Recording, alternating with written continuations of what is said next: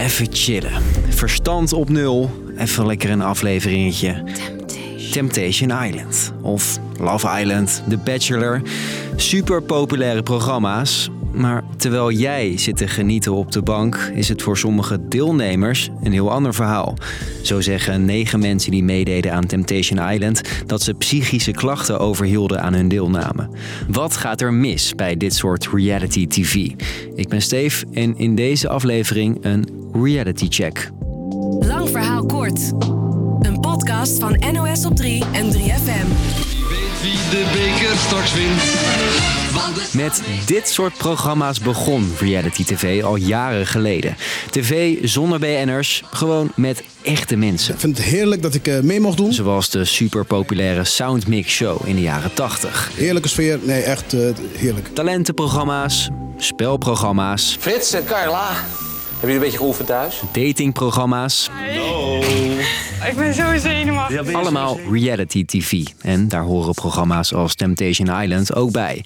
De succesformule? Je ziet eigenlijk andere mensen op tv zich op een bepaalde manier gedragen. En daardoor leer je heel veel over jezelf. Dat zegt Nikki Koppes. Ze maakte een podcast over reality TV. Dan kan je heel makkelijk zeggen: ik zou dat nooit doen. Of ik zou me echt nooit zo gedragen. Ik zou nooit vreemd gaan op tv. En voor de makers is het ook leuk. Het is namelijk heel goedkoop. Je zet mensen ergens op een strand of in een huis en je maakt daar een programma. Er zitten helemaal niet zo relatief weinig productiekosten aan. En het kan dus een enorme hit worden. Meer kijkers, meer advertentieopbrengsten. Dat is verleidelijk voor programmamakers natuurlijk. Maar de programma's hebben een keerzijde, zag ook Nikki. Ze sprak voor haar podcast met tientallen oud-deelnemers. En allemaal zeiden ze... Ik ga nooit meer meedoen aan reality tv. Eens, maar nooit meer. Oké, wat gaat er dan precies mis achter de schermen? Nou, Nicky sprak dus met veel oud-deelnemers, maar ook met meerdere makers.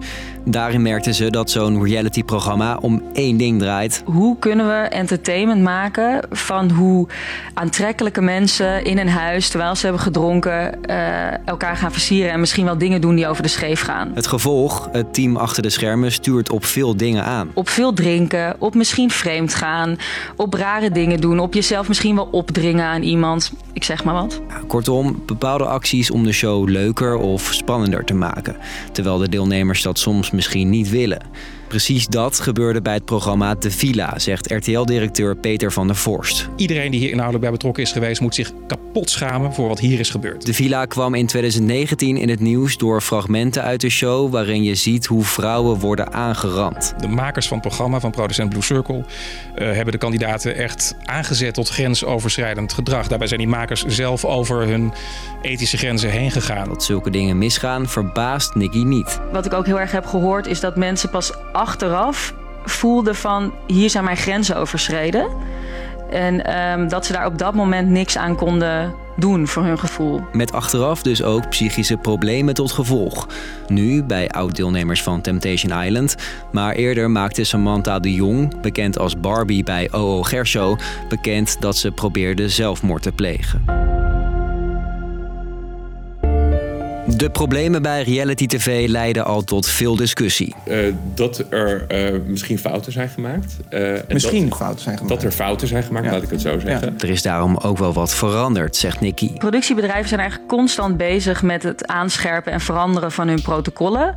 Want er zijn wel echt protocollen hierover van hoe gaan we dit ethisch maken. Er kwamen onderzoeken, nieuwe regels, meldpunten, excuses. Dit is niet de manier eh, waarop ik vind dat wij programma's horen te maken. RTL haalde in 2019 alle guilty pleasure programma's, zoals ze die zelf noemden, tijdelijk van de buis. Dus die lijken dit soort dingen in ieder geval naar buiten toe en ook in mijn ervaring wel serieus te nemen. Veel programma's keerden daarna, volgens de producent verbeterd, weer terug. Toch kwamen ook daarna nog klachten binnen. Nu zijn dat bijvoorbeeld oud-deelnemers van Temptation Island die hun verhaal in het AD doen. Dus de vraag blijft, zegt Nicky, Is een protocol ooit genoeg? Weet je wel? Heb je iets aan een protocol wanneer je eigenlijk entertainment aan het maken bent van het drama en het emotionele leven van echte mensen? Dus, lang verhaal kort, reality TV is voor veel kijkers genieten, maar voor deelnemers kan dat een heel ander verhaal zijn. Door de jaren heen kwamen er meerdere klachten binnen van mensen die meededen. Onder meer over hoe ze door tv-makers werden gestuurd, wat weer leidde tot psychische klachten. Sommige programma's zeggen wel dingen te hebben veranderd, met nieuwe regels en meldpunten.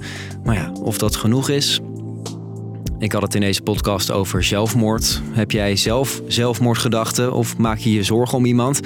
Praten met iemand helpt. Bel naar 113 of ga naar 113.nl. Daar zitten mensen voor je klaar. Dankjewel voor het luisteren en tot de volgende.